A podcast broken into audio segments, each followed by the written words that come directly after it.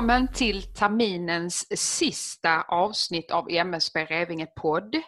Vi sänder en gång i månaden från MSB skola i Revinge och den här gången har vi bjudit in Anna Granlund via distans till det här programmet. Eh, Anna hon har gjort författardebut med boken Den röde hanen som utspelar sig på en brandstation i Stockholm. Mm. Välkommen Anna! Tack så jättemycket! Du, ska vi göra så att du börjar med att presentera dig själv? Det kan vi göra. Eh, jag är då en 51-årig kvinna som eh, i grund och botten är jag eh, språklärare. Men det var väldigt länge sedan jag jobbade i skolans värld. Jag har omskolat mig och jobbat väldigt många år på både bokförlag och i reklambranschen. I bokbranschen har jag jobbat, haft alla roller man kan ha egentligen. Förläggare, redaktör, projektledare, jobbat med marknadsföring och PR och, så. Och jag har även drivit ett eget förlag. Så att eh, förlagsbranschen ligger mig absolut varmast om hjärtat och, och böcker och skrivande och så. Mm. Mm. Och det var ju som jag nämnde här nu inledningsvis att du har ju skrivit en bok, Den röde hanen. Eh, jag är jättenyfiken på vad den handlar om. Om du ja. drar lite kort om det. Absolut. Alltså det handlar ju om, man får följa en grupp, en arbetsgrupp på eh, Östermalms brandstation som du var inne på.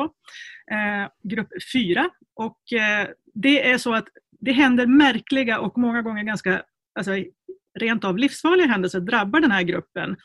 Eh, och särskilt utsatt tycks ledaren för gruppen, brandmästare Stefan Berg, vara. Och då är frågan, är det någon som är ute efter att skada honom eller är hela gruppen utsatt på något sätt?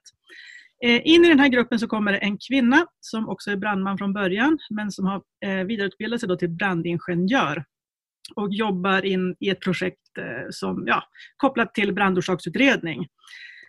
Och de här två personerna möts och de är lite skadeskjutna båda två på olika sätt. Brandmästaren Stefan kämpar efter att hålla ihop sin utredningsgrupp och kämpa med en, en plötslig och smärtsam separation. Och Jessica här, hon brottas med spöken från det förflutna som hon gör allt för att dölja. Och eh, tillsammans då så ska de här två personerna försöka lösa den här gåtan. Vad är det som sker på grupp 4 på Östermalm? Mm. Mm. Mm. Det låter väldigt spännande det där. Ja, men precis. Det är som en blandning av, man kan säga att det, det, jag kallar det för en spänningsroman. Uh, det finns ju massa olika genrer inom spänningsgenren, alltså crime, true crime, Deckare är ju mera fokus på gåtan men spänningsroman brukar man säga att det ofta är mycket relationsdrama eh, i det också. Så att jag skulle säga att det är en blandning mellan spänning och relationsdrama. Mm. Du Anna, eh, i förra avsnittet så hade vi en, eh, en SMO-student, Hans Lo heter han, på besök. Mm. Och han ställde en fråga till dig som jag faktiskt tänker att vi lyssnar på. Mm. Ja, Anna. Eh, hur kommer det sig att du har valt att skriva en bok som utspelar sig på en brandstation? Vad säger du Anna? Hur kommer det sig att du har valt att skriva en bok som utspelar sig på en brandstation? Ja, eh, som sagt jag har jobbat i, i bokbranschen i många år och en viktig aspekt, alltså, det är många som frågar hur kan man bli utgiven, eh, hur kan man ge ut en bok, vilka får bli utgivna? Och då är det ju ofta så att vi brukar säga att man letar efter en unik röst och eller en unik story. Och det får gärna vara en kombination av de två. Eh, och det finns ju en mängd deckare och spänningsromaner ute i handeln, väldigt, väldigt många. Eh, men det finns ju, och de flesta har ju någon slags polis i huvudrollen, en åklagare, en journalist och så vidare. Det finns även några som utspelar sig i sjukhusmiljö.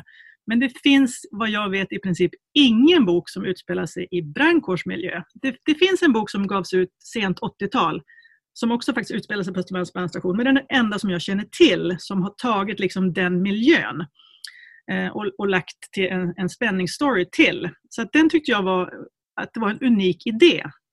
Eh, och det, det kändes jättekul och jag har ju liksom en, en god insyn i den här miljön som anhörig. Eh, så att jag, det är ju, man säger också ofta gräv där du står. Det är ju mycket research som ska göras ändå eftersom jag inte själv jobbar inom räddningstjänsten utan bara är anhörig som sagt. Men, men, så en unik story tyckte jag att jag hade och det är ju en otroligt spännande miljö. Så att, eh, där kom den ifrån. Mm. Nej, men det är just det du säger att det, det, är ju en väldigt spännande miljö och det tror jag säkert att väldigt många håller med dig om. Men vad, vad, tror du det handlar om att man, varför tror du att man inte har, har valt att skriva så mycket just om den här yrkeskåren tidigare? Ja, alltså jag, jag, misstänker att det... Alltså, dels måste man ju kanske ha en liten... Den lyckliga kombinationen som jag har då, att jag jobbar med skrivande. Även om jag främst har jobbat med att lyfta andra skrivande i min roll som förläggare och redaktör. Men, men liksom jag kan ju det här med dramaturgi, hur man bygger en story och så vidare. Och att jag sen då dessutom har kännedom om den här väldigt unika miljön. Den kombinationen är kanske inte jättevanlig. Eh, för att, att, ta sig an att skriva en bok, jag menar, om jag skulle skriva en, en, en spänningsroman som utspelar sig ja, men bara på pol polisen eller i, i, i journalistmiljö, jag kan ju ingenting om det. Så då är det ju dubbel uppförsbacke. Eh, så att en liten unik kombination har jag lyckats hitta tror jag. Mm. När jag gjorde lite research om det då, din bok, så förstod jag att det är faktiskt många som har läst boken och som uppfattar den som verklighetstrogen. Mm. Um, hur gick din research till? Ja, alltså jag har ju levt tillsammans med en brandmästare i 20 år och han har ju fått svara på en miljard frågor. Väldigt tålmodigt såklart. Eh, men förutom det så har jag varit i kontakt med väldigt många specialroller, alltså brandingenjörer inom Stockholm, eh, Storstockholms brandförsvar. Jag har pratat med poliser som jobbar enkomt med brandorsaksutredning. Jag har pratat med servicetekniker på Spiromatic om hur rökskydd funkar och hur man kan sabotera dem. Jag har pratat med larmpersonal. Jag har läst väldigt mycket brandutredningar, insatsrapporter, tittat på gamla fall. Eh, MSB är ju en bra källa, allt, allt möjligt kommer därifrån. Eh, Eh, fakta som man kan ta till sig. Och sen det roligaste av allt är ju att jag också faktiskt fick gå den teoretiska eh, utbildningen för rökdykare via Räddningsportalen. Så att, för att liksom verkligen, för att ändå så här, jag menar jag har ju aldrig varit i närheten av att gå in i en brinnande byggnad. Alltså hur känns det att ha den här utrustningen på sig, andningsmasken, allting och den här hettan som omger en och liksom allt vad det innebär. Hur kan jag beskriva det så verklighetstroget som möjligt? Då var det jätteviktigt att få gå den utbildningen för att liksom, vad finns det för faror, vad ska man tänka på och så vidare. Och där har jag också googlat väldigt mycket och, och via faktiskt utländska sajter eh, fått liksom ta del av eh, väldigt personliga upplevelser av hur det är att befinna sig i den utsatta situationen. Så det har varit väldigt mycket jobb trots att jag ändå har god insyn. Så att, men jag är jätte, jätteglad för att det är många som, som tycker att det känns verklighetstroget. För, ja. Mm. Var det viktigt att boken skulle kännas äkta eller har du gett dig själv lite tillåtelse att liksom slira på autenticiteten? Alltså det är ju ofta så läser man ju om när, man, eh, alltså när, man, när författare berättar om som skriver eh, spänningsromaner eller deckare som utspelar sig i polisen så är det ju ofta så att man kapar mycket tid för att annars skulle boken bli så lång och tråkig att läsa. För polisutredningar är ofta väldigt långsamma och tråkiga. Mm. Eh, men, men det är ju sällan inom brand. Där är det utryckning och det är, det är liv som står på spel och det, det, ska, det är bråttom, bråttom. Och det, och så det har varit väldigt viktigt att få Både när det gäller utryckningar, för det är väldigt många olika typer av utryckningar med i boken, inte bara bränder. Eh, så jag tror det är också en grej som jag ville få med att många tänker så här, ja, brandkåren de släcker bränder men de gör ju så mycket annat också. Så det vill jag också ge en bild av. Eh, och sen var det också viktigt för mig att få med, som jag tycker är lika spännande, den här liksom vardagen. På en, att mm. leva på en brandstation och liksom ha sin andra familj och liksom vad, vad, de, vad som också sker där när det inte är utryckningar. Mm. Det är minst lika spännande faktiskt. Mm. Absolut. Eh, du frågade mig om eh, eh, autenticitet och, och, så vidare i boken och allt som har med liksom utryckningsbiten och, och, och vardagsrealism att göra, det har varit jätteviktigt. Sen har jag ju tagit mig vissa friheter.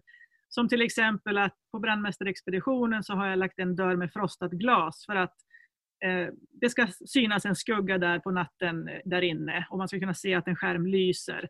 Eh, mm. Jag har gjort en svängdörr in till köket som inte finns bara för att jag vill att han ska hålla upp dörren. Han gör det hela tiden, han är en sån där gentleman.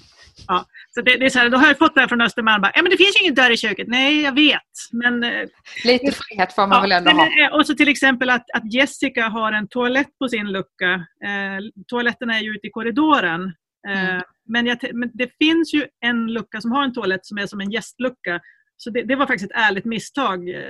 Så. Men jag tänker också att ja, men som kvinna så kanske hon ändå har fått den luckan. Då.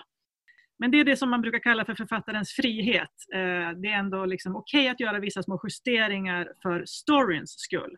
Mm. Men allt brandkårsrelaterat har jag verkligen försökt så långt det bara är möjligt att det ska vara så korrekt som möjligt.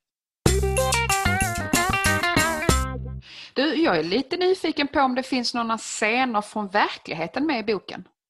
Ja, det gör det faktiskt. Ja. Ehm, de är naturligtvis omskrivna så att man inte ska kunna känna igen sig och så vidare. Men, men det finns eh, någon hissolycka och någon eh, viltdjurräddning och eh, någon hoppning och, och, och, och så. Och, saker som är unika för Stockholm, tunnelbana och, och sådana där saker. Eh, salsalarm eh, och så vidare. Anna, vad står, eh, vad står salsa för? Eh, Salsalarm är ju att eh, man åker, brandkåren åker på hjärtstopp också. Eh, de är ofta, eller ofta, jag vet inte, men alltså det finns en chans att de är snabbare framme än ambulansen. Så att de åker även på sådana typer av larm. Mm. Har du fått någon respons på boken från personer som just arbetar inom räddningstjänsten? Och hur har i så fall den responsen varit? Jo men det har jag. Alltså, dels har jag fått från människor som, som jag känner som jobbar eller har jobbat på Östermalm eh, eller i andra delar av Stockholm eller också eh, från annan typ av räddningspersonal. De möts ju ofta där ute på gatorna, eh, ambulanspersonal och så vidare. Eh, så både från folk jag känner men också jätteroligt från folk som jag inte känner. Eh, mm. Som har kontaktat mig och liksom tackat för en spännande berättelse och att den känns trovärdig.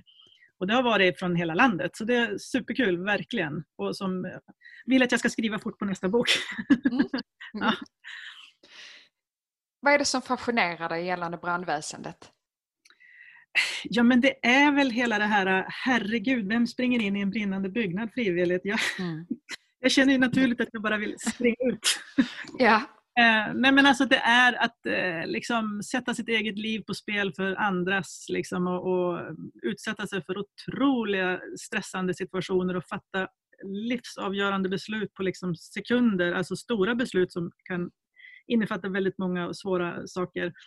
Eh, och just det här liksom att också att det är ju som att gå till en annan familj.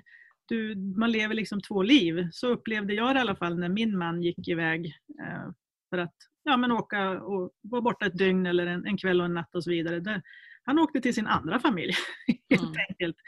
Så det är ett väldigt speciellt eh, sätt att leva på och arbeta på. Det blir en otrolig sammanhållning i gruppen. Jag vet ju inte hur det är på andra grupper men den gruppen eh, som min man tillhörde, där var det väldigt tajt sammanhållning och även mellan oss anhöriga. Eh, så det, det, blir en väldigt speciell miljö helt enkelt. Mm. Du, det finns ju en hel del fördomar om brandmän. Exempelvis mm. det här att man ska vara stor och stark och så för att klara av yrket som brandman. Mm. Hade du själv några fördomar som du inte tycker stämmer efter att du gjorde din research till boken? Äh, det kan jag nog inte säga att jag hade eftersom jag, jag har ändå haft insyn i så, alltså i 20 års tid har jag ju hängt på brandstationer. Och det man kan konstatera är att det finns ju alla sorters människor där precis som på andra arbetsplatser.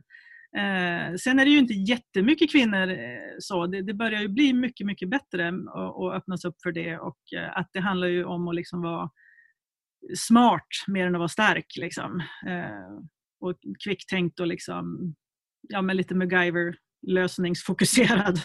Eh, det kommer man ju väldigt långt med. Så att, eh, jag, jag, tycker nog inte att jag, jag har in, hade inga sådana fördomar och jag tycker inte att någon har kommit på skam heller. utan det, det är vanliga människor som har ett ovanligt jobb. Mm. Skulle du själv kunna tänka dig att jobba som brandman? Nej! Nej, jag misstänkte nästan att det var så med tanke på ditt föregående svar där. Men precis, Nej, men ja. jag, jag sitter gärna vid skrivbordet och, och skriver istället. Så, så får de andra, jag är nog ingen, ingen hjälte på det sättet. Känns lite lugnare kanske? Ja men precis, det är nog ja. spännande att bara skriva, skriva kapitlerna jag tänkte på den här titeln, Den mm. röde hanen. Har, har den någon särskild betydelse? Varför heter boken så? Ja, men den har ju så flera betydelser eh, som jag tycker blev, blev, funkade jättebra symboliskt för just den här boken. Alltså dels är det ju en gammal eufemism för eld. Alltså förr i tiden så trodde man att om man sa eld så skulle den komma farande. Eh, sen har jag också, jag menar, den röda hanen är en symbol för tuppen som en gång i tiden ansågs som eldens vaken i gryningen, bevakar sin flock eh, och så vidare och skyddar. Eh, och sen så finns det en kamratförening i, i, i Stockholm eh, för, för brandmän som heter Den röda hanen. Och sen har jag också pratat med brandmästare av kanske lite äldre generation som pratar om, alltså när man åker ut för att släcka en brand så är det liksom vart, vart har branden startat, vart är gnistan, vart, vart är den röda hanen, hur släcker vi den här branden eh, på bästa sätt? Eh, och det är ju på något sätt, det är ju någon som är ute och saboterar och förstör i den här boken och det blir ju som en jakt på den, vad är gnistan, vad, vad är, vad, vem är skurken liksom? Eh, så att jag tyckte det hängde upp rätt fint. Mm. Mm. Vet du vad Anna? Ja? Snart är programmet slut. Ja, det, har gått, det har gått väldigt fort det här, får jag säga. Ja, ja men jag, jag, ska säga så här att om du som lyssnar är intresserad av ett ex av Annas bok så eh, vill jag att du går in på Instagram-kontot MSB Revinge bibliotek och gillar det senaste inlägget. För att vi kommer nämligen att lotta ut tre ex mellan er som har gillat det här eh, inlägget då av eh, Annas bok. Så gå in och likea där. Ja, och tagga gärna den röda, vad sa du, Anna? Tagga gärna den röda hanen också taggar vi den röda hanen också, absolut. Mm. Um, Anna, innan vi avslutar. Mm. Jag har läst att den röda hanen är liksom första delen i en planerad serie. Hur ja. många böcker planeras att släppas? Ja, alltså jag vet ju inte idag, eh, det, men alltså stories saknas ju inte. Alltså jag har ju redan tre, fyra böcker i huvudet eh, och det är ju fram, Alltså både vad som ska hända personerna, man får ju följa grupp fyra och jag tänker att man fokuserar på lite olika personer i gruppen i varje bok. Mm. Eh, så att man får fördjupa sig i fler karaktärer. Och sen som sagt, eh, dramatiska händelser finns det gott om. Eh, nästa bok som kommer våren 2021, där har jag släppt lös en pyroman i Stockholm city. En mm. riktig pyroman. Ja. Okej. Okay. Så att, ja. Och som sagt, men som sagt, teman och drama finns det ju massor. Så att det, mm. det kan bli en väldigt lång serie hoppas jag, om, om många vill läsa. Mm. Mm. Då har vi något att se fram emot. Ja, men det hoppas jag verkligen. Ja. Du, tack så mycket för att du ville vara med Anna och det var jätteroligt att prata med dig. Ja, men tack för att jag fick vara med, superkul. Ja. Nu tar podden sommaruppehåll och är tillbaka igen till hösten. Eh, så att jag säger ha det gott tills dess. Hej då! Hej då!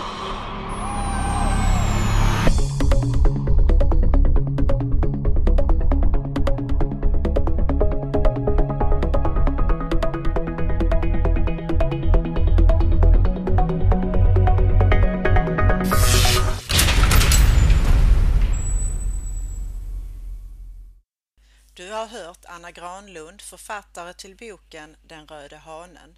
Intervjuade gjorde Lara Kristbjarnadottir. Signaturmelodi av och med tillåtelse av Christian Ur. Ljudupptagning och redigering Charlotte Kristoffersen. Referenser hittar du på msbrevingepodd.wordpress.com MSB Revinge maj 2020